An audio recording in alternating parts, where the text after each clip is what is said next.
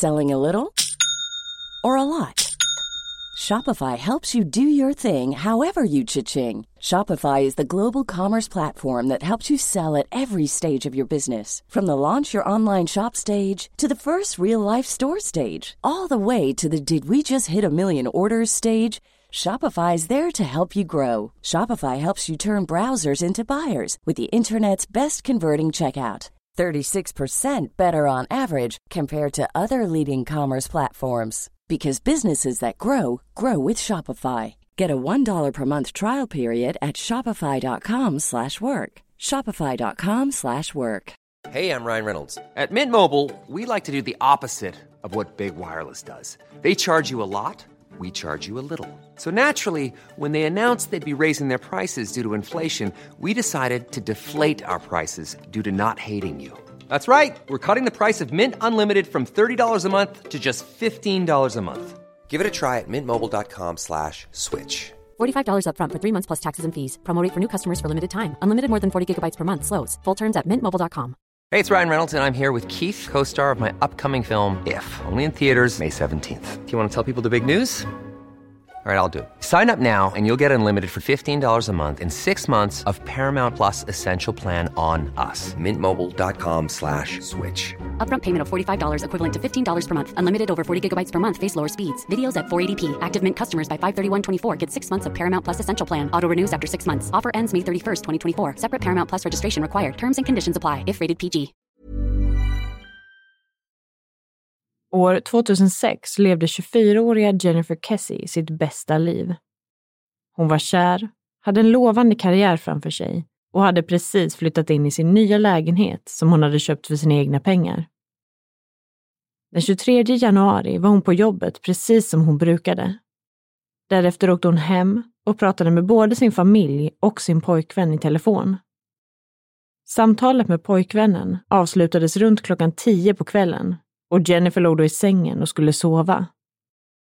Det här är det sista spåret av Jennifer Kessie. Trots diverse ledtrådar och videomaterial på den misstänkta gärningspersonen så är det som hände någon gång mellan natten den 23 januari och morgonen den 24 januari fortfarande ett lika stort mysterium.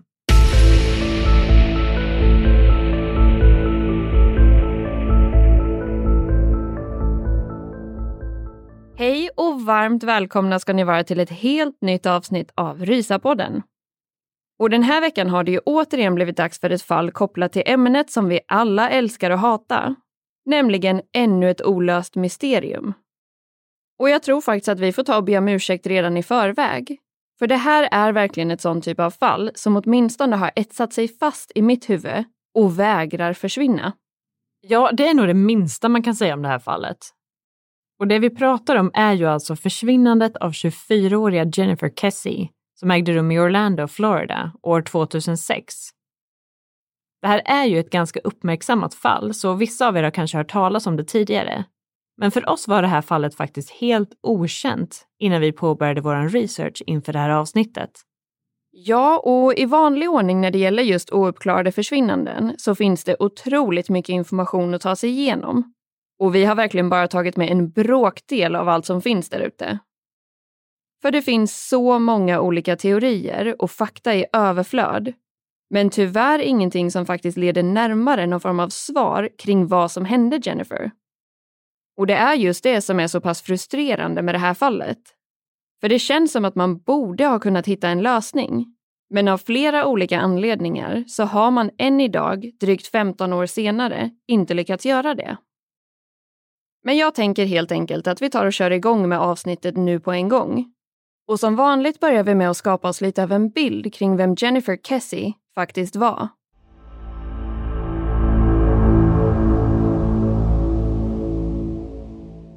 Jennifer Joyce Kessie föddes den 20 maj 1981 i New Jersey i USA. Hennes familj består av pappa Drew och mamma Joyce samt hennes tre år yngre bror Logan. Vi har under vår research inför det här avsnittet tagit del av en hel del poddar och dokumentärer om Jennifer och beskrivningen av henne är i princip alltid densamma. Hon var nämligen en tjej som älskade livet och den lojalaste av vänner. Jennifer hade skinn på näsan och var absolut inte rädd för att säga vad hon tyckte. Och vid behov så tog hon alltid sina vänner i försvar. Hon var däremot inte en typ av person som ofta hamnade i konflikt med folk, utan hon höll sig mest för sig själv, med undantag för sina vänner. Jennifer beskrivs som en otroligt varm och kärleksfull person som alltid ställde upp för personer i sin omgivning. Det finns en podcast som heter Unconcluded som har gjort en omfattande poddserie om Jennifers fall. Och den kommer vi att hänvisa en hel del till framöver eftersom de bland annat har gjort intervjuer med många av Jennifers nära och kära. Men en person som blir intervjuad i den här podden är en av hennes tjejkompisar. Hon berättar då att hon bodde en timme bort från Jennifer och att hon ringde henne en kväll och var ledsen över att hennes kille hade gjort slut med henne. När Jennifer fick höra det här så släppte hon allt, åkte och köpte glass och körde sedan en timme i bilen för att kunna finnas där för sin kompis och bara se på TV, äta glass och trösta henne. Och just det här ska ha varit typiskt Jennifer. Hennes vänner har också beskrivit att hon var besatt av det amerikanska fotbollslaget New York Giants. De har uppgett att varje söndag så visste de precis vad som gällde om det laget spelade. Då var det att sitta och kolla på matchen och äta Jennifers hemlagade mac and cheese som gällde. Inget annat. Jennifer älskade också musik och tv-serier. En av hennes favoritserier ska bland annat ha varit Law and Order Special Victims Unit. Och den här serien kunde hon ibland sträckkolla i flera timmar. Överlag så beskrivs Jennifer också som en väldigt smart och driven tjej som inte gjorde någonting förhastat. Hon fattade alltid väl genomtänkta beslut och var oerhört självständig som person. Både Jennifers vänner och familj har varit väldigt tydliga med hur ansvarsfull och noggrann hon var. I en dokumentär från CBS News så pratar nära och kära till Jennifer om vilket otroligt säkerhetstänk hon hade. Det här ska delvis bero på att hennes föräldrar vid ett tillfälle var med om ett rån och att de därför ska ha varit noga med att deras barn skulle ha ett säkerhetstänk. Men Joyce bekräftar också faktumet att de båda två var väldigt stora fans av serien Law and Order. Utifrån det här så hade de haft många livliga diskussioner om hur de själva skulle agera i olika typer av utsatta situationer och krislägen. Joyce var därför väl medveten om hur Jennifer såg på sin säkerhet. Och jag måste säga att när vi gjorde research kring Jennifers personlighet så framgår verkligen det här så extremt tydligt. Några exempel som finns gällande nivån på Jennifers säkerhetstänk är bland annat att när hon satte sig i sin bil så brukade hon alltid först och främst kolla runt inne i bilen för att säkerställa att ingen gömde sig där inne. Jennifer visste också att om hon skulle bli inlåst i bagageutrymmet på en bil så kunde hon i de allra flesta bilar öppna luckan med en säkerhetsspärr. Och om det av någon anledning inte gick så skulle hon sparka ut bakljuset på bilen för att väcka uppmärksamhet. Utöver det här så hade hon en annan rutin när hon var hemma själv i lägenheten. Då brukade hon nämligen ha en stol kilad mot dörrhandtaget för att ingen skulle kunna ta sig in genom dörren. Jennifer hade också en liten flaska med pepparspray på sin nyckelring som hennes pappa hade köpt till henne. Allt det här bekräftas också av Jennifers närmsta vänner som beskriver att hon var den så kallade hönsmamman i gänget. Den som alltid såg till att ingen gick själv någonstans. Jennifer var också otroligt medveten om sin omgivning. Hon kunde till exempel beskriva vem som parkerat bredvid henne eller vilka som befunnit sig i hennes omgivning inne i ett köpcentrum. Så sammanfattningsvis så kan i alla fall jag säga att hon verkligen var mer försiktig och uppmärksam än någon jag känner. År 1999, när Jennifer var 18 år gammal, så lämnade hon tryggheten i New Jersey och flyttade till Orlando i Florida för att gå på college. Väl där så träffade hon sin nya rumskompis Carrie de två blev oskiljaktiga under studietiden och flyttade sedan ihop i en lägenhet utanför campusområdet. De bodde sedan tillsammans där ända fram till år 2005. I januari det här året så träffar Jennifer också sin pojkvän, Rob Allen. Han bodde vanligtvis i Fort Lauderdale, som ligger drygt tre timmars bilresa från Orlando. Men han och hans killkompisar var på besök för att dels gå på en mässa, men också för att alla singelkillarna skulle ha en rolig festhelg tillsammans. När de var ute i Orlando en kväll så träffade de på Jennifer och hennes kompisar. Rob och Jennifer bytte sen nummer med varandra och efter det så pratade de i telefon flera gånger per dag, ibland i flera timmar. Men nu när vi har lite av en bild kring vem Jennifer var så tänker jag att vi ska börja beta av vad det var som hände. Eller det man vet och inte vet i det här fallet. Det finns som sagt väldigt mycket information kring fallet och jag tänker att vi ska försöka att gå igenom den huvudsakliga tidslinjen som finns. Den börjar i slutet av år 2005 och närmare bestämt den 24 november. Det här är nämligen när Jennifer tar ett stort steg och väljer att flytta in i sin egen lägenhet. Det här beslutet tar hon eftersom att hennes rumskompis Carrie ska gifta sig. Jennifer valde därför att investera i sin första egna lägenhet. Det här var en nyproduktion i ett fint nytt lägenhetskomplex som ligger mitt emot det lyxiga köpcentrumet Mall at Millennia. Själva lägenhetskomplexet heter Mosaic at Millennia och ligger som sagt i Orlando, Florida. Det här är ett så kallat gated community, det vill säga bostadsområdet skulle vara avgränsat och inte tillgängligt för allmänheten, utan det skulle finnas låsta grindar in till komplexet med lägenheter. Det här var en av anledningarna till att Jennifer valde att köpa just den här lägenheten. Det kändes helt enkelt som en trygghet för henne utifrån det otroliga säkerhetstänk som hon faktiskt hade. Det finns en hel del bilder av det här området och man måste erkänna att det verkligen ser helt fantastiskt ut. En liten del av säljbeskrivningen av komplexet från en mäklarhemsida lyder så här. Mosaica Millennia är ett avgränsat lägenhetsområde med moderna lägenheter i södra Orlando. Lägenheterna ligger i nära anslutning till nöjesparker, motorvägar och flera stora köpcentrum. Njut av vidsträckta terrasser runt resortens pool och spa, ett klubbhus, gym och lekplatser. Privata garage och conciergetjänster finns tillgängliga. När Jennifer flyttar in så är ju dock det här området under uppbyggnad, vilket innebär att allt är inte färdigställt och långt ifrån alla hade flyttat in i sina lägenheter. Det här innebär ju också att det var väldigt många byggarbetare som kom och gick. Och de hade också fått tillåtelse att övernatta i de lägenheterna där ingen ännu hade flyttat in. Så det var definitivt många personer i rörelse vid det här området. Många av de här byggarbetarna visade sig senare också vara odokumenterade anställda som i vissa fall var i landet illegalt.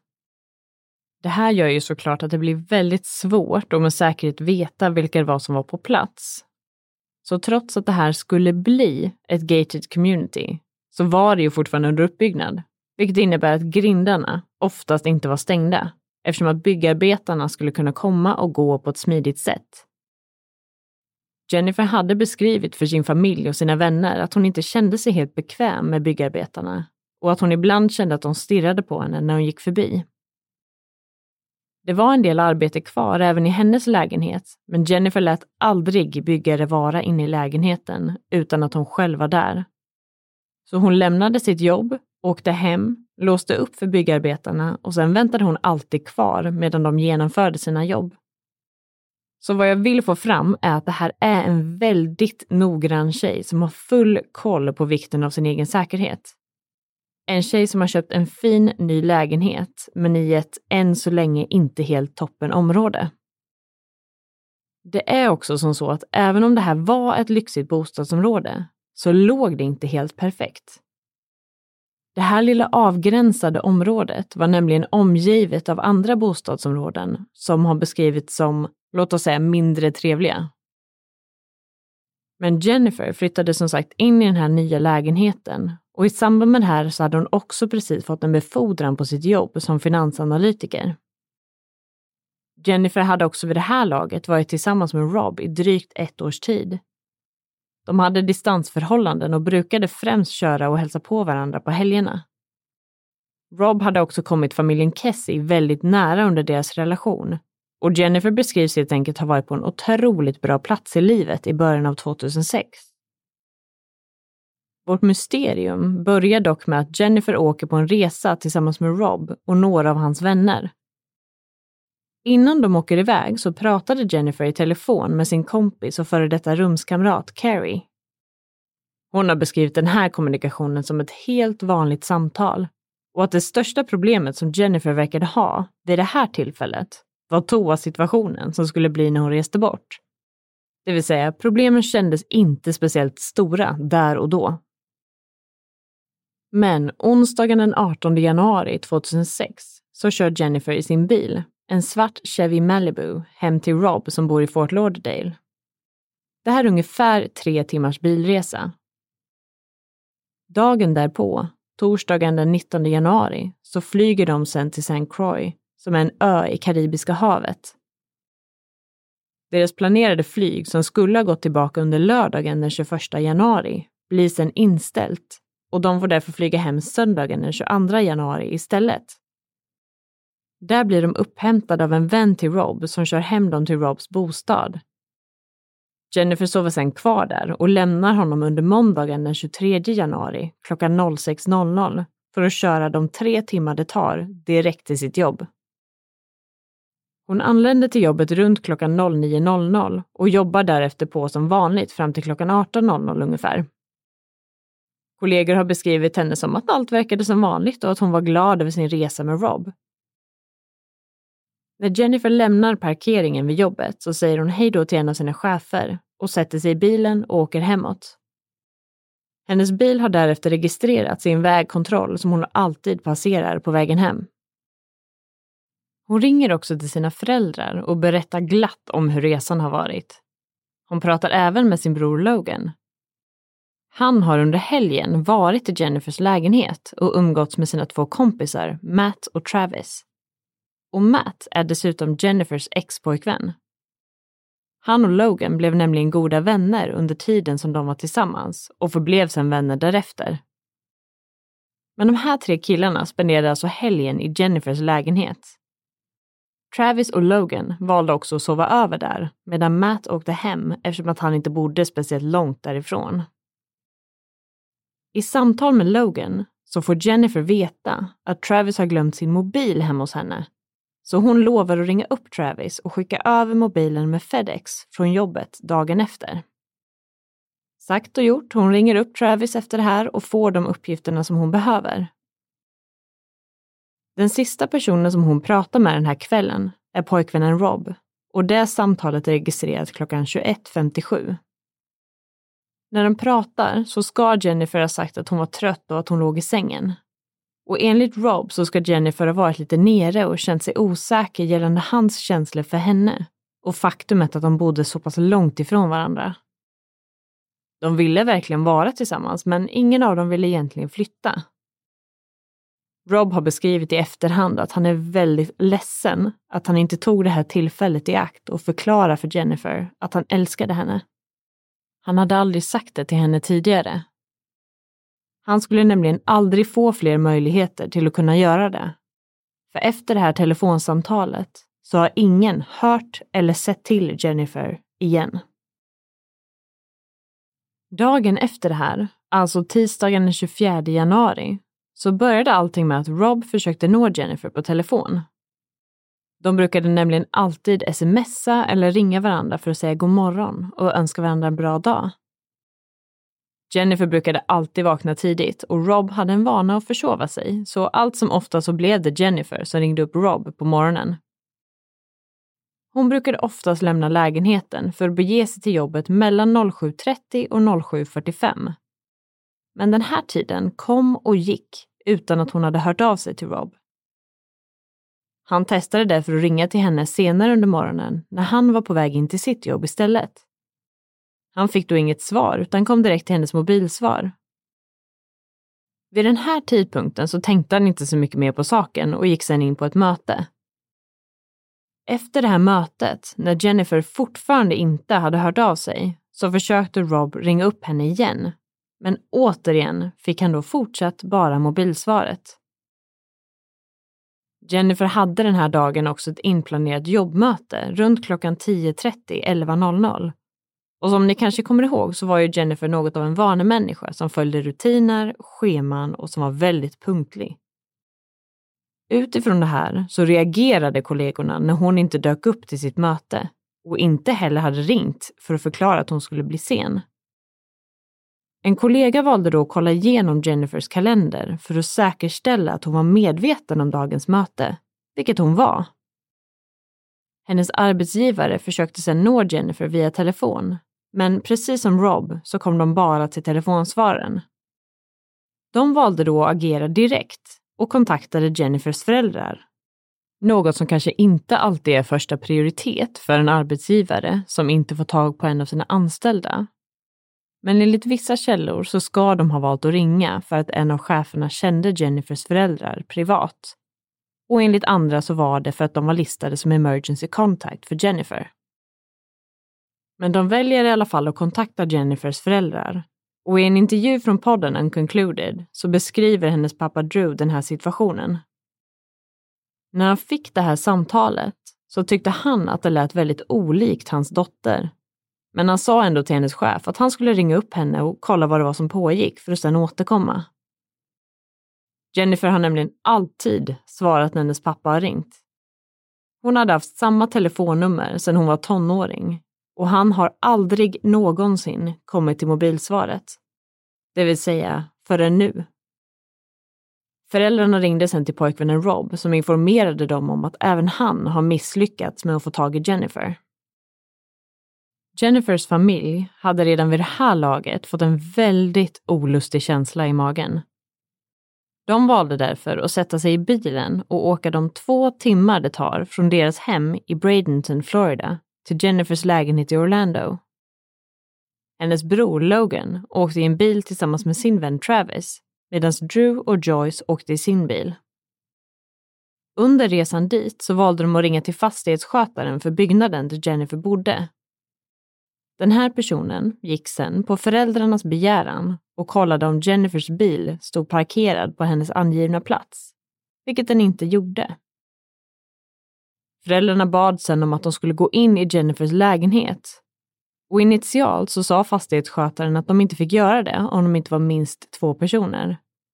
Men snabbt hittade fastighetsskötaren ytterligare en person och de gick in i lägenheten. De beskrev att lägenheten var låst och när de väl gick in så såg allt ut att vara i sin ordning. Men däremot så fanns det inget spår av Jennifer. Familjen fortsätter sedan att ringa runt bland Jennifers vänner, närliggande sjukhus och till och med olika häkten i området. Det ska sägas att det finns lite olika information gällande när familjen sen kom fram till Orlando. För Drew ska nämligen ha uttalat sig om att de kom fram runt klockan 13.00 medan Joyce ska ha sagt att det här inte stämmer och att de kom fram klockan 15.00.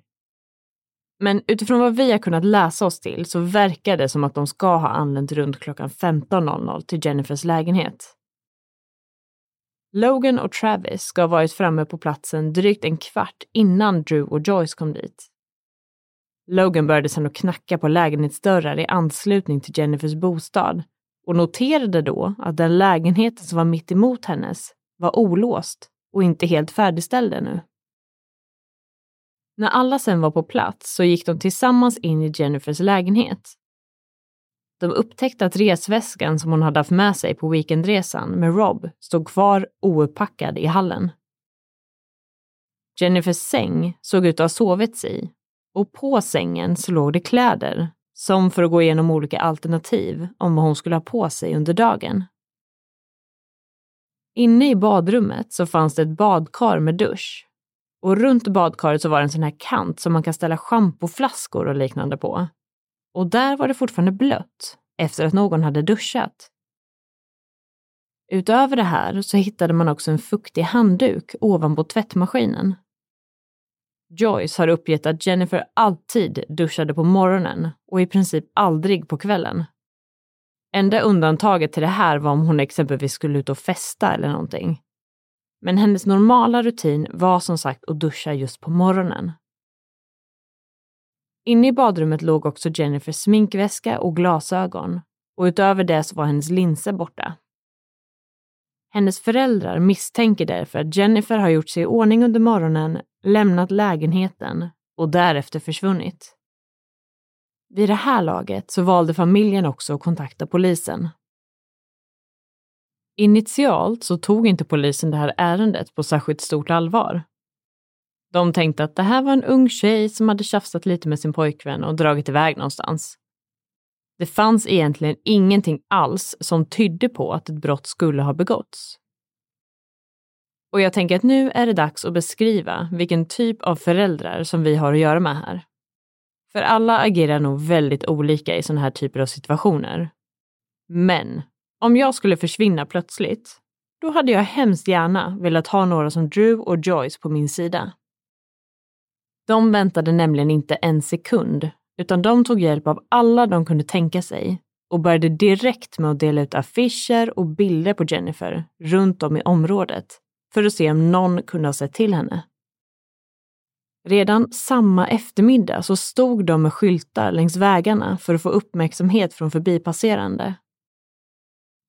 De beslutade också efter den här dagen att flytta in i Jennifers lägenhet och kom sedan att bo där i flera månader för att aktivt kunna vara delaktiga i sökandet och behjälpliga på alla vis de kunde för polisen. Under den här kvällen, någon gång mellan 20.00 och 21.00, så väljer polisen till slut att registrera Jennifer som saknad. När de kommer fram till lägenheten så inser de dock att den har använts som central för alla personer som var med och sökte efter Jennifer. Så när de väl anländer till platsen så är det runt 14 personer inne i lägenheten. Polisen väljer utifrån det här att inte söka igenom lägenheten för fingeravtryck eller annat utifrån att det redan har hunnit bli så pass kontaminerad. Två dagar senare, alltså torsdagen den 26 januari, så hittas Jennifers bil. Den hittas i ett område som heter Huntington on the Green. Och det här har beskrivits som en typ av område som man helst kanske undviker, om möjligt. Det är nämligen en plats med ganska mycket kriminalitet som ligger drygt en och en halv kilometer från Jennifers lägenhet. När polisen hittar bilen så väljer de att kontakta Jennifers pojkvän Rob. De ville nämligen att han skulle vara närvarande när de genomsökte bilen. Som i många fall där en person har försvunnit så blir ju såklart ofta partnern huvudmisstänkt initialt. Och så blev det ju även i det här fallet. Rob har beskrivit det här som en helt fruktansvärd upplevelse.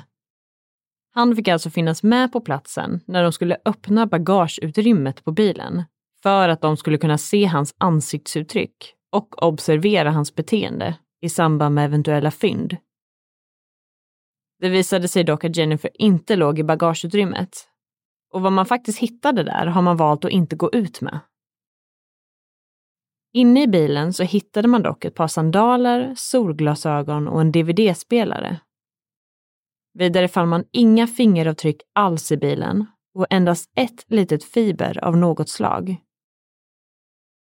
Det som många reflekterade över var att det först och främst inte fanns några tecken på att våld skulle ha ägt rum i eller i närheten av bilen. Det andra som många tyckte var märkligt var faktumet att det låg en dvd-spelare i bilen. Det här fick ju många att tro att det med största sannolikhet inte var rån som var motivet för vad den var som hade hänt Jennifer, utan hon hade troligtvis försvunnit av andra anledningar. I samband med att polisen sökte igenom Huntington on the Green så insåg man att det fanns en säkerhetskamera med överblick kring just den parkering där Jennifers bil hade hittats. Det här ansågs ju såklart vara riktigt stort och här kände både polisen och familjen ett hopp om att äntligen få någonting konkret att jobba med. När man sen kollade på det här inspelade materialet så slocknade dock den här förhoppningen. Den här filmen finns tillgänglig att se om man googlar Jennifer Kessie Person of Interest Video. Och det finns även en hel del stillbilder från den här filmen. Det man kan se är i alla fall en ganska så grynig inspelning och den här filmen går heller inte hela tiden utan i tre sekunders intervaller så den är därför lite hoppig. Men man ser då hur Jennifers bil kör in till parkeringen där den senare hittades. Bilen backar även ut och ställer sig mer till rätta, vilket indikerar att personen inte direkt kände att man hade bråttom, tänker jag. Därefter så sitter personen kvar i bilen i 32 sekunder. Något som vissa tror berodde på att man torkade av insidan av bilen från fingeravtryck eftersom att man inte fann några. Efter det här så ser man en person gå ur bilen och sen går längs med en pool och ett staket bort mot det hållet där Jennifers lägenhet ligger. Det som är så extremt frustrerande i det här och som dessutom har gjort att vissa har kallat den här personen för en av de mest tursamma brottslingarna någonsin, är det man inser sen. När personen går längs med staketet så gör nämligen de här tre sekunders intervallerna att man endast fångar personen bakom de så kallade tjockare stolparna i staketet, vilket därför gör att man inte får en bra bild av individen i fråga. Gärningspersonen lyckas alltså, till synes helt omedvetet, exakt tajma in de här intervallerna i inspelningen. Det har ju såklart funnits en hel del spekulationer kring den här personen. De allra flesta tror att det är en man med relativt smal kroppsbyggnad som har lite baggy eller stora kläder på sig. Utöver det här så tror åtminstone Jennifers föräldrar att det är en ung man och man kan nog hålla med om att han ser ut att vara i sena tonåren eller i tidiga 20-årsåldern. Många misstänker också att han är målare eller byggarbetare och vissa tror även att han kan vara kock baserat på de kläder som han bär. Han är nämligen klädd i helvitt, både byxor och tröja. Han ser även ut att ha något mörkt hår som är uppsatt i en knut bak på huvudet eller en mössa av något slag. Senare har det dock framkommit uppgifter om att färgen på hans kläder kanske inte kan ses som fakta. Det här var en gammal film med dålig kvalitet och den hade använts och spelats över flera gånger. Det här gjorde att när poliserna sen skulle spela in för att jämföra mått och liknande så blev även deras kläder ljusa på bild. Så det är därför väldigt svårt att veta om hans kläder faktiskt är vita eller om de bara påverkats av inspelningen. En annan sak som har diskuterats är gärningspersonens längd. Polisen tog hjälp från flera olika instanser och fick bland annat info från FBI om att han skulle vara runt 160 centimeter lång. Men andra instanser har däremot sagt att han borde vara uppemot 180 cm lång. Så det här är ytterligare en aspekt som man inte riktigt kan ta som fakta. Jag kan dock själv anse att det känns ganska konstigt att man inte har lyckats fastställa just den här detaljen. Jag är ju verkligen ingen expert inom det här området, men det känns ju som att man borde kunna ta andra saker, som typ stolparna, som riktmärken. Mäta hur långa de är och sen bedöma gärningspersonens längd efter det. Men som sagt, det kanske finns skäl till varför det inte går i det här fallet. Polisen valde också att ta dit hundar som hjälpte till att följa gärningspersonens spår hela vägen tillbaka till Jennifers lägenhetskomplex och hennes parkeringsplats, där spåren sen försvann. Personen i fråga gick alltså tillbaka till Jennifers bostad. Det som också är så otroligt irriterande är det faktum att allt det här skedde runt klockan 12.00 på förmiddagen. Det handlar alltså om så få timmar mellan att han var tillbaka vid lägenheten och att Jennifers familj ringde till fastighetsskötaren. De ringde ju som sagt när de satt i bilen och hade två timmar dit och kom fram vid 15.00. Så det kan alltså ha varit så att gärningspersonen och familjen mer eller mindre precis gick om varandra. Det ska också noteras att på den här säkerhetsfilmen så står det klockan 13.00 men den här tiden som anges är tydligen en timme fel eftersom det var vid klockan 12.00. Men den här personen parkerade alltså Jennifers bil i lugn och ro en bit bort från hennes lägenhet, gick därefter lugnt och sansat tillbaka till hennes bostadsområde och där någonstans försvann han eller hon spårlöst. Allt det här samtidigt som familjen alldeles strax var på väg dit. Det här som vi nu har tagit upp är egentligen de enda bevis man har att jobba med. Eller som vi vet om i alla fall, för polisen har valt att inte gå ut med all information. Och i dagsläget har familjen tillgång till i princip all information, men allmänheten har däremot inte det.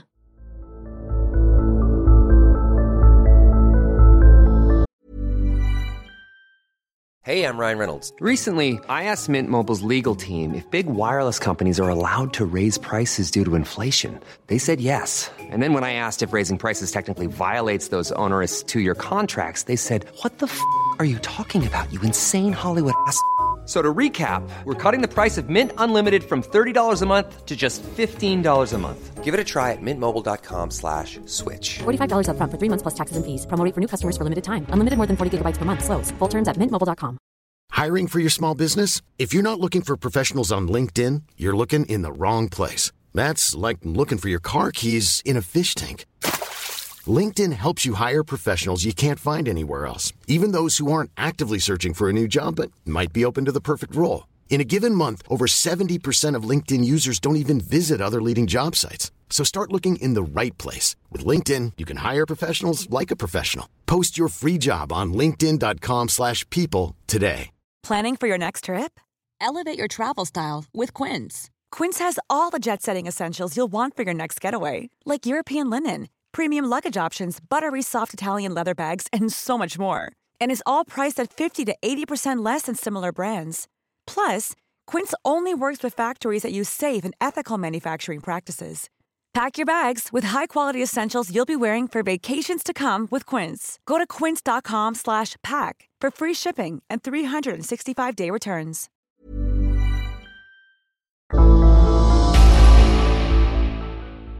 Nu har vi alltså kunnat fastställa det lilla som vi faktiskt vet och har dessutom hunnit få lite av en bild kring vem Jennifer var. Så då kommer vi till frågan om vilka egentliga huvudteorier som finns kring Jennifers försvinnande. Och när vi gjorde vår research inför det här avsnittet så insåg vi ganska fort att det som man ofta läser som fakta i Jennifers fall ganska så sällan är fakta. Det finns verkligen mängder av poddar, dokumentärer, artiklar och andra typer av källor där ute som tar upp det här fallet. Och precis som i de flesta andra fall så finns det ju absolut vissa teorier och diskussioner där ute som är mer konkreta och känns betydligt mer relevanta än andra. Men vi har i alla fall valt att ta upp några av dem som förekommer mest frekvent. Den första frågan som har diskuterats en hel del är just frågan om när Jennifer togs eller när hon försvann. Det finns nämligen lite av två olika läger här. För det man vet är ju att hon sa till sin pojkvän Rob när de pratade i telefon att hon låg i sängen och skulle sova. Och att det här var runt klockan 22.00 den 23 januari. Så möjligheten finns ju såklart att någonting hände henne senare den här kvällen. Det som talar för att det skulle kunna vara så är bland annat att det finns en del rykten där ute om att både Jennifer och Travis mobiltelefoner stängdes av och att batterierna togs ut vid cirka 22.40 den här kvällen. Och det var ju Travis telefon som hade glömts kvar i Jennifers lägenhet och som hon skulle återlämna till honom senare. Ingen av de här två telefonerna har någonsin hittats igen. Och det här är som sagt rykten, men om det ligger någon sanning i den här informationen så är det ju helt klart väldigt suspekt. Det ska också ha varit så att när polisen pingade Jennifers mobiltelefon innan dess så verkade det som att den hade befunnit sig i ett annat område. Det vill säga att Jennifer eventuellt kunde ha lämnat lägenheten efter sitt telefonsamtal med Rob. En annan detalj som vissa har reagerat över är att under Jennifer och Robs telefonsamtal så ska det ha knackat på Jennifers dörr. Hon ska då ha sagt något i stil med att det säkert bara var grannen som bodde över henne och att hon inte tänkte svara. Vissa har då spekulerat i om personen kanske knackade på igen en stund senare och att hon istället valde att öppna den gången. Eller att hon kanske öppnade dörren redan under samtalet med Rob men att hon av någon anledning inte ville att han skulle veta det och därför ljög för honom. Och en annan tanke är såklart att den här personen i fråga lyckades ta sig in i bostaden på annat vis efter att ha knackat på. En hel del av dessa så kallade bevis har dock delvis kunnat motbevisas under senare tid. Jennifers föräldrar har bland annat gått ut och sagt att polisen har delgett dem information om att mobilerna stängts av, men att de däremot inte har sagt vilken tid det här gjordes. De har också uttalat sig gällande pingandet av mobiltelefonen och faktumet att den verkade vara på en annan plats än hennes egen bostad. Det här har nämligen undersökts igen vid senare tillfälle och det här var ju under tidigt 2000-tal. Kunskapen och möjligheterna för att kunna spåra mobiler var därför inte alls på samma typ av nivå som idag. Tydligen så kan nämligen Jennifers mobil ha hoppat mellan flera olika master utifrån att hon hade väldigt dålig mottagning i sin lägenhet. Det här bör därför inte användas som någon form av bevis enligt Jennifers föräldrar. Men det som många som tror på den så kallade kvällsteorin anser är att Jennifer kanske fick för sig att gå ut under kvällen för att hitta ett Fedex-kontor och posta Travis mobil. Hennes föräldrar ser dock den här teorin som rent av absurd. Jennifer skulle aldrig, efter att hon hade gjort sig i ordning för sängen, klätt på sig igen och sen gått ut helt själv mitt i natten. Både utifrån att hon hade möjligheten att kunna skicka mobilen hur smidigt som helst via sitt jobb, men också utifrån hennes otroliga säkerhetstänk. Det skulle aldrig hända helt enkelt. Om man då ser på teorin kring att Jennifer försvann på morgonen istället så finns det ju såklart väldigt mycket som tyder på att det skulle ha kunnat vara så. I badrummet var det ju flera detaljer som indikerade att någon skulle ha gjort sig i ordning där. Hennes sminkväska låg framme, hennes glasögon låg på handfatet och hennes linser var borta. Utöver det såg det ju även ut som att Jennifer hade duschat på morgonen. Det var blött i hörnet av badkaret där man kan ställa schampoflaskor och det låg en fuktig handduk på tvättmaskinen. Och Jennifers föräldrar har som sagt beskrivit att det här följde hennes rutiner och att hon i princip alltid duschade på morgonen. I ett av avsnitten från podcasten Unconcluded så väljer de till och med att testa teorin om att hon kunde ha duschat på kvällen eftersom de bor i ungefär samma område som Jennifer bodde.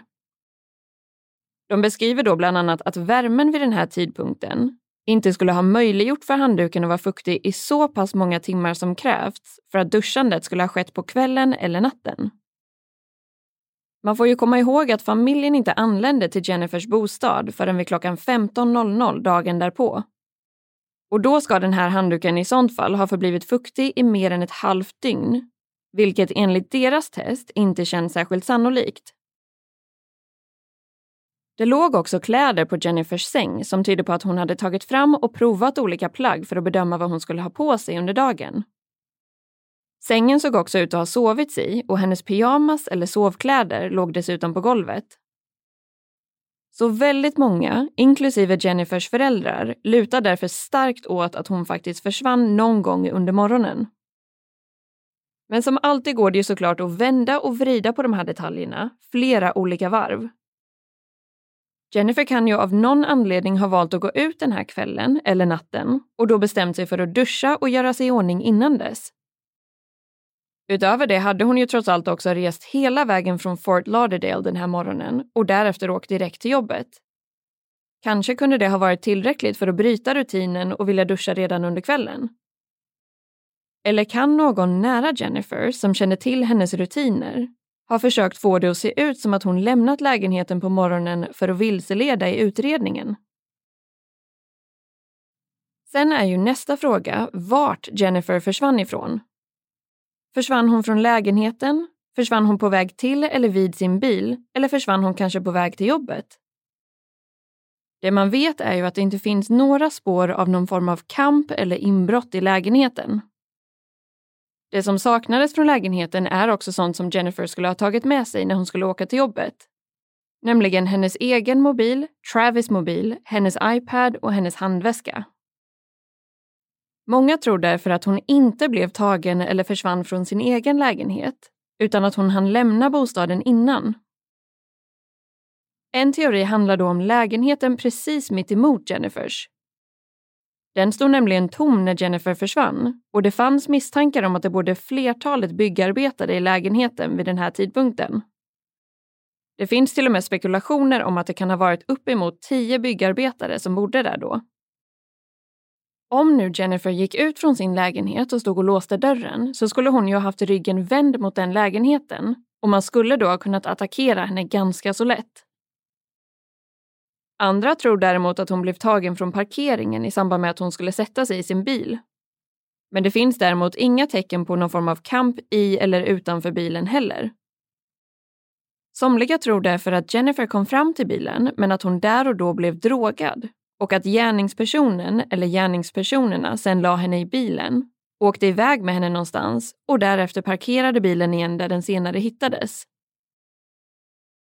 Det finns också en del tankar kring om Jennifer kanske stötte på någon hon kände, någon som hon var bekväm med och därför inte behövde vara på sin vakt runt omkring. En annan stor fråga i det här fallet är ju såklart också vem som kan ha tagit henne och varför. Här är åtminstone i princip alla rörande överens om att hon absolut inte verkar ha försvunnit frivilligt, utan att hon på ett eller annat sätt har blivit tagen. Och som vi har varit inne på redan så misstänker väldigt många byggarbetarna i området. För det första anser många att kläderna som den mystiska individen på säkerhetskameran har på sig påminner en hel del om en målares kläder. Det var ju dessutom så att Jennifer hade påtalat att hon inte kände sig bekväm med byggarbetarna och att de betedde sig konstigt runt omkring henne. Utöver det så var det också flera av de här byggarbetarna som valde att lämna lägenhetskomplexet i samband med Jennifers försvinnande. Det här kan ju såklart ha mer rimliga förklaringar.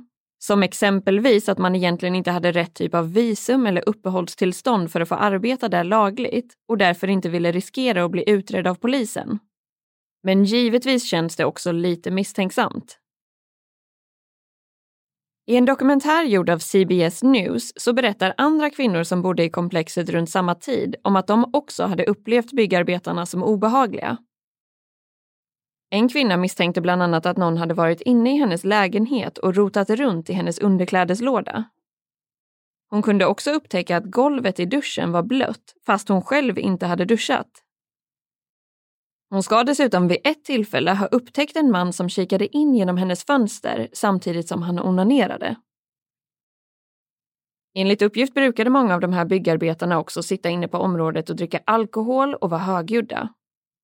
Så ja, det här lägenhetskomplexet känns ju definitivt inte som den mest trygga av platser om man utgår ifrån den här informationen. År 2009 så gjorde polisen en ny granskning av det här fallet och hittade då en hushållerska som arbetat i lägenhetskomplexet vid tidpunkten då Jennifer försvann. Hon ska då ha nämnt att hon ansåg att personen som fångats på säkerhetskameran såg ut som en byggarbetare vid namn Chino. Det här baserade hon bland annat på hans hår, kläder och gångstil. Utredarna undersökte då vem den här Chino var och insåg att det mycket riktigt var en man som hade arbetat i byggnaden där Jennifer bodde.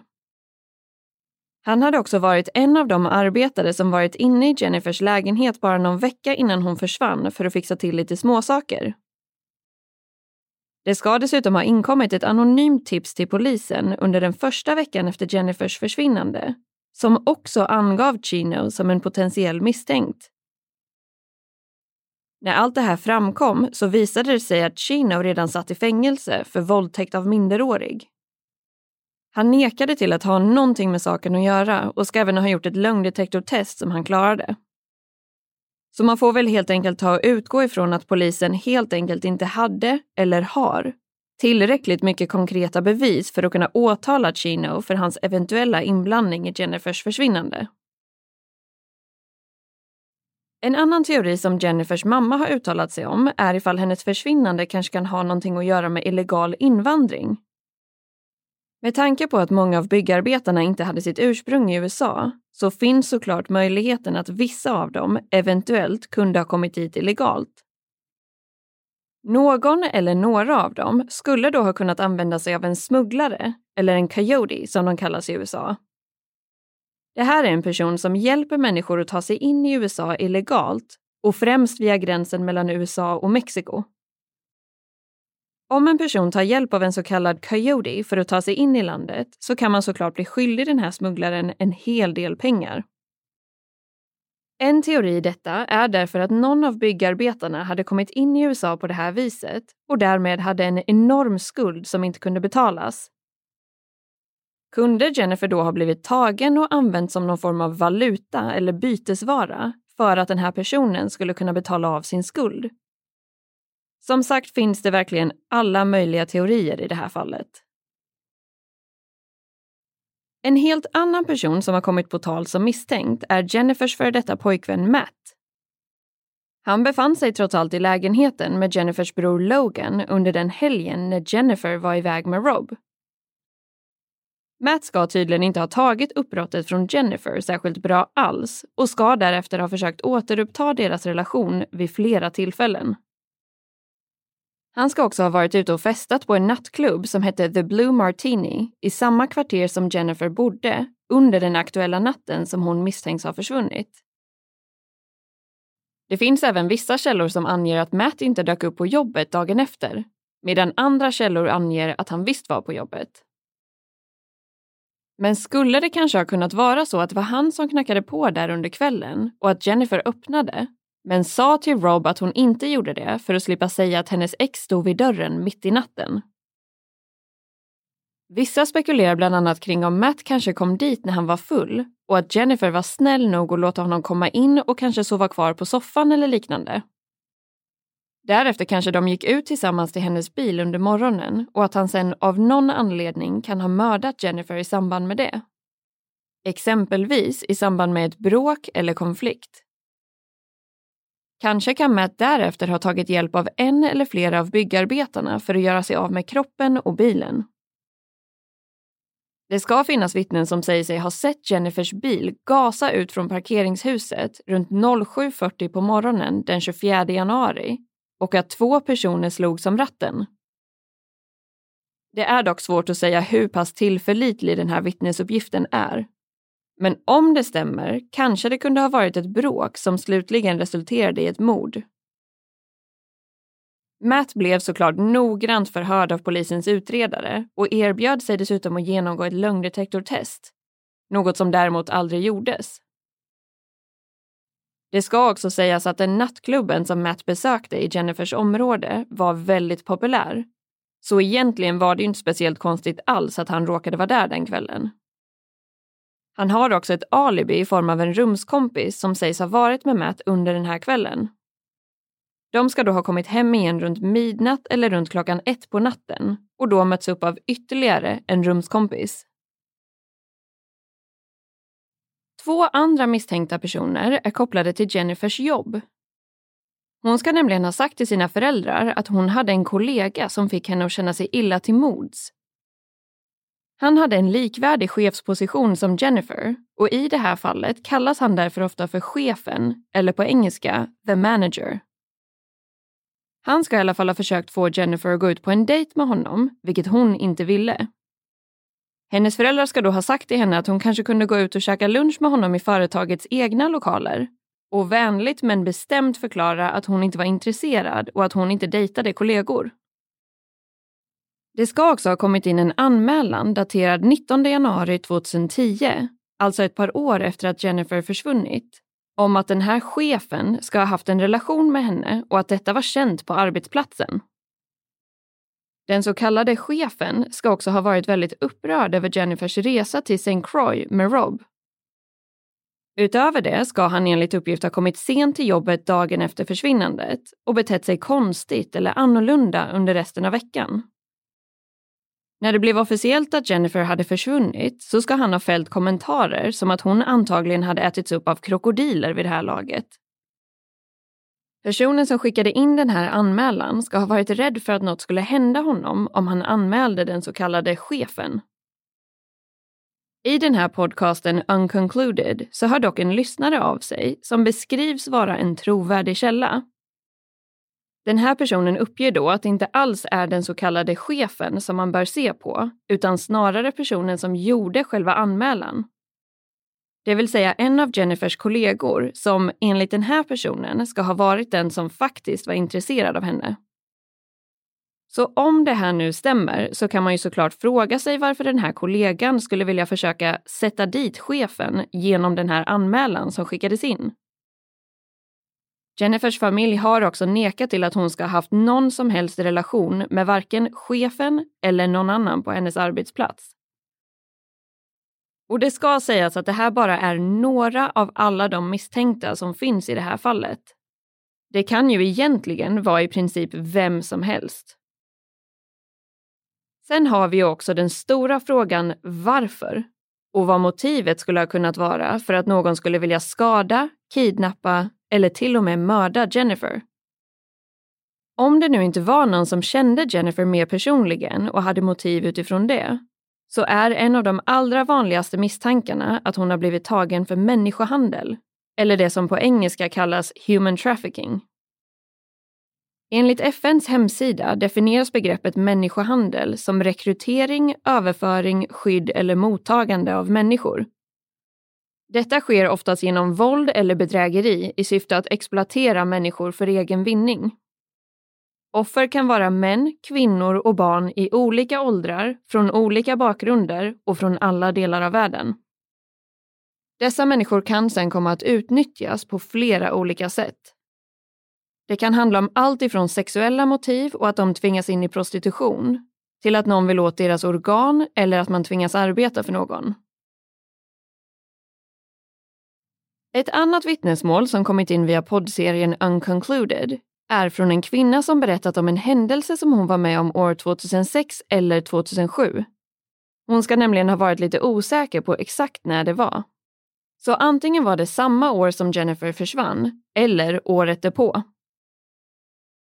Om hennes vittnesuppgifter stämmer så kan det definitivt stärka teorin om att Jennifer kidnappats med motivet människohandel. Den här kvinnan berättar nämligen om att hon under den här tiden arbetade i en juvelerarbutik. En dag kom en ung kvinna in i butiken tillsammans med en man. Vittnet berättar att hon verkligen reagerade på det här paret eftersom att de stack ut. Mannen ska ha varit oerhört fint och propert klädd och hon berättar i podden om att hon vanligtvis inte brukar se personer som är så pass uppklädda som han var. Därefter noterar hon också den kvinnan som han är i sällskap med. Hon bär istället kläder som inte ser ut att vara hennes egna eftersom de är alldeles för stora för henne. Utöver det ser det ut som att hon inte har tvättat sig ordentligt på väldigt länge.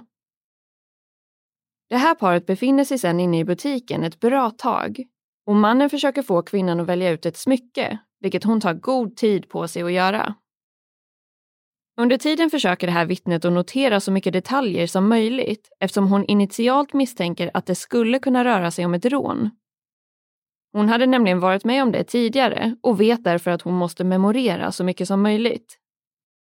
Utöver det är hennes man också polis, så i och med det har hon också lärt sig vilka saker som är viktiga att notera vid den här typen av situation. Men den här kvinnan som försöker välja ut ett smycke i butiken fastnar till slut med blicken på ett smycke med tre stenar. Hon fryser då till och stirrar på just det här smycket. Den här typen av smycke ska tydligen symbolisera det förflutna, nutiden och framtiden. Och Jennifer Kessie hade tidigare ägt just ett sånt typ av smycke. Vid något tillfälle så inser vittnet att det här troligtvis inte alls rör sig om ett rån. Men hon känner sig däremot säker på att den här andra kvinnan inte mår bra och får en tydlig känsla av att hon behöver hjälp.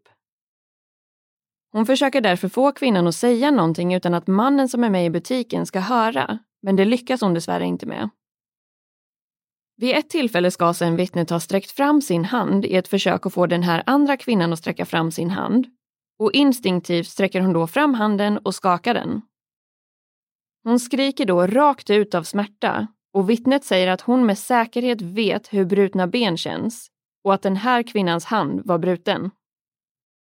Därefter ska de snabbt ha lämnat butiken och aldrig kommit tillbaka igen. Och hon beskriver såklart det här mötet i mycket mer detalj än vad vi gör nu. Men samtalet med det här vittnet finns att lyssna på i avsnitt 5 av podden Unconcluded för de som är intresserade. Men den här kvinnan är i alla fall helt hundra på att det här var Jennifer Kessie. Hon beskriver också att hon absolut inte minns alla som kommer in i butiken men just det här mötet memorerade hon eftersom hon trodde att det kunde vara något särskilt.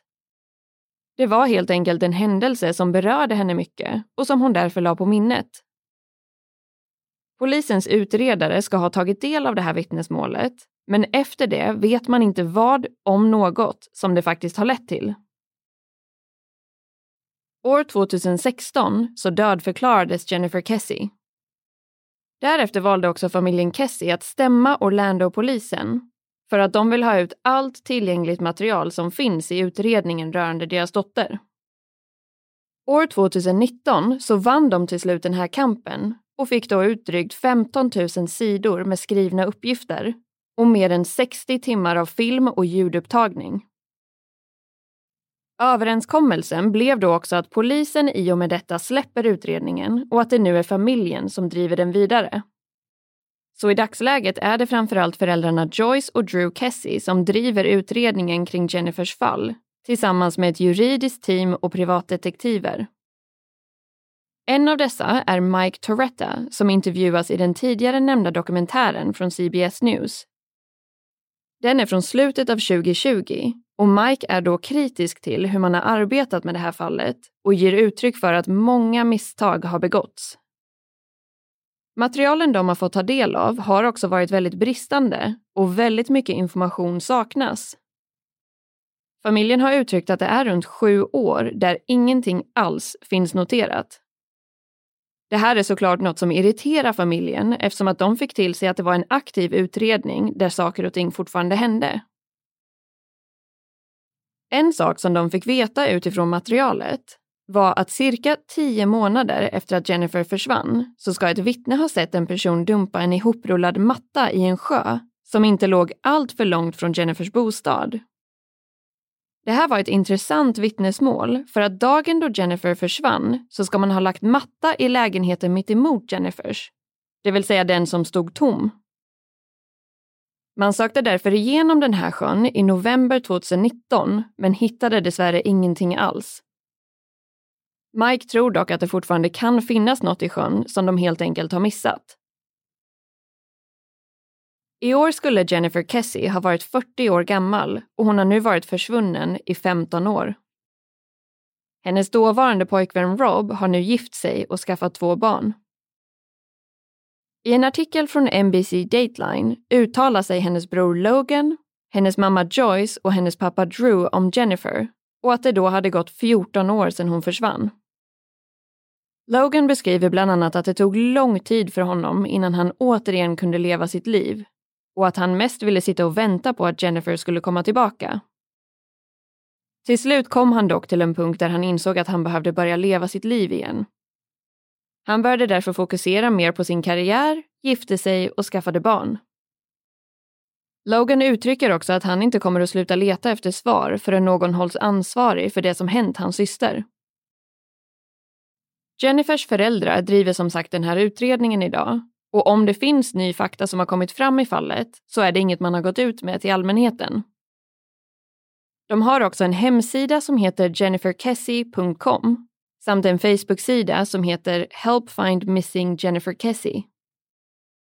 På den här Facebook-sidan så uppdaterar de om händelser kring Jennifers fall och den senaste uppdateringen när vi kikade in på sidan var nu i januari år 2021.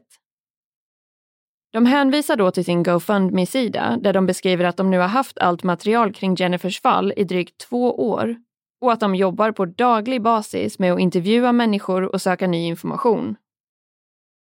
De beskriver också att de inte kan gå in på detaljer men att deras hårda arbete åtminstone har lett till några små steg framåt i utredningen och att de inte kommer att ge sig förrän de vet vad som hänt Jennifer. Utöver det uppmanar de allmänheten om att delge information om någon tror sig veta något som kan vara relevant för utredningen. Och avslutningsvis tänkte jag att vi kan ta och runda av det här avsnittet med ett citat från Jennifers mamma, Joyce Kessie, i samband med att frågan om att avsluta sökandet kommit upp. Hur bestämmer man som förälder när det är dags att ge upp och avsluta sökandet efter ditt barn? Det gör du inte.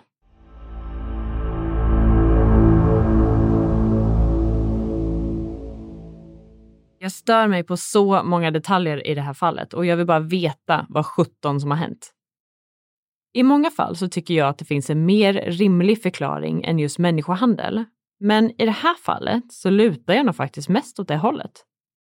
Och jag kan verkligen inte ens tänka mig hur det här måste kännas för Jennifers nära och kära. Det är ju nästan på den nivån att det hade varit bättre att få veta att hon hade blivit mördad än att man inte får veta någonting alls. Eller att få veta att hon lever men under de här fruktansvärda omständigheterna som människohandel skulle kunna innebära. Ja, och det lär ju inte bli bättre när det kommer in vittnesmål från personer som tycker sig ha sett Jennifer, men som inte egentligen går att spåra eller utreda vidare. Som exempelvis den där kvinnan i juvelerarbutiken som kände sig så pass säker på att det var just Jennifer som hon skakade hand med den där dagen. Men man har ju verkligen ingenting konkret i den här utredningen, även om det finns massa saker som nästan skulle kunna hjälpa till att lösa fallet. Det enda som känns väldigt säkert i det här fallet är ju i princip att Jennifer absolut inte lär ha valt att försvinna frivilligt. Så det måste ju finnas en sån enorm frustration och ilska hos familjen Kessie. Att någon där ute vet exakt vad som hänt, men aktivt väljer att inte säga något och att helt enkelt låta dem leva vidare i den här ovissheten. Ja, och det ska sägas att det här verkligen är en familj som har gjort allt i sin makt för att försöka hitta en lösning på hennes försvinnande. Bland annat har de ju varit väldigt aktiva i media och gjort allt de har kunnat för att hålla det här fallet levande och att fortsätta sprida information om det. Så av den anledningen så måste det ju också vara fruktansvärt jobbigt att behöva stå och stampa på exakt samma ställe drygt 15 år senare. Ja, och det går som sagt inte ens att föreställa sig den smärtan som de tvingas leva med varje dag. Men nu anar vi att ni som lyssnar är minst lika frustrerade som vi är vid det här laget. Så vad tror ni hände och vad sitter ni på för teorier? Det här får ni mer än gärna dela med er av. Och som alltid når ni oss enklast och smidigast via Facebook eller Instagram där vi heter Risapodden.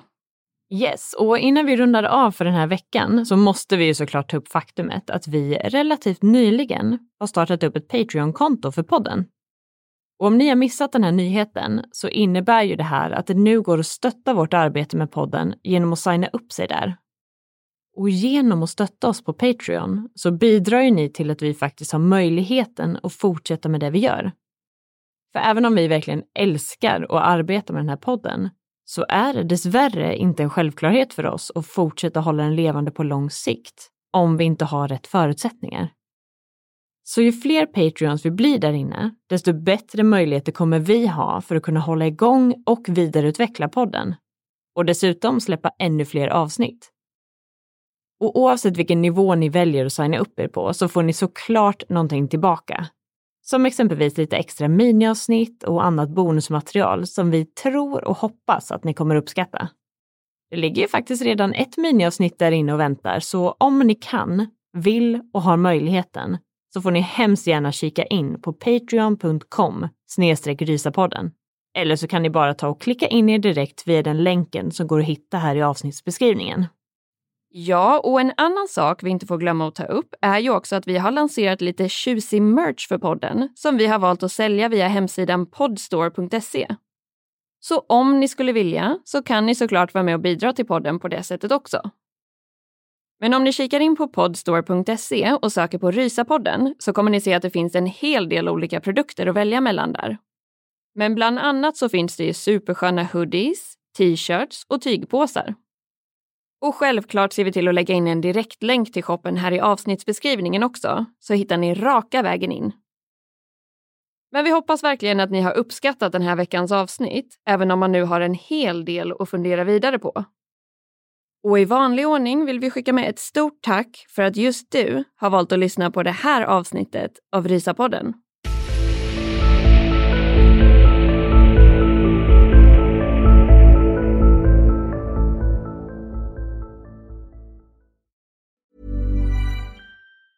Even when we're on a budget, we still deserve nice things. Quince is a place to scoop up stunning high-end goods for 50 to 80% less than similar brands. They have buttery soft cashmere sweaters starting at $50, luxurious Italian leather bags, and so much more. Plus, Quince only works with factories that use safe, ethical, and responsible manufacturing. Get the high-end goods you'll love without the high price tag with Quince. Go to quince.com/style for free shipping and 365-day returns. Planning for your next trip? Elevate your travel style with Quince. Quince has all the jet-setting essentials you'll want for your next getaway, like European linen premium luggage options, buttery soft Italian leather bags, and so much more. And is all priced at 50 to 80% less than similar brands. Plus, Quince only works with factories that use safe and ethical manufacturing practices. Pack your bags with high-quality essentials you'll be wearing for vacations to come with Quince. Go to quince.com/pack for free shipping and 365-day returns. When you make decisions for your company, you look for the no-brainers. And if you have a lot of mailing to do, stamps.com is the ultimate no-brainer. It streamlines your processes to make your business more efficient, which makes you less busy. Mail checks, invoices, legal documents, and everything you need to keep your business running with stamps.com. Seamlessly connect with every major marketplace and shopping cart. Schedule package pickups and see your cheapest and fastest shipping options from different carriers with rates up to 89% off USPS and UPS rates. And with the stamps.com mobile app, you can take care of mailing and shipping wherever you are. Make the same no-brainer decision as over 1 million other businesses with stamps.com. Sign up with code program for a 4-week trial plus free postage and a free digital scale. No long-term commitments or contracts. That's stamps.com. Code program.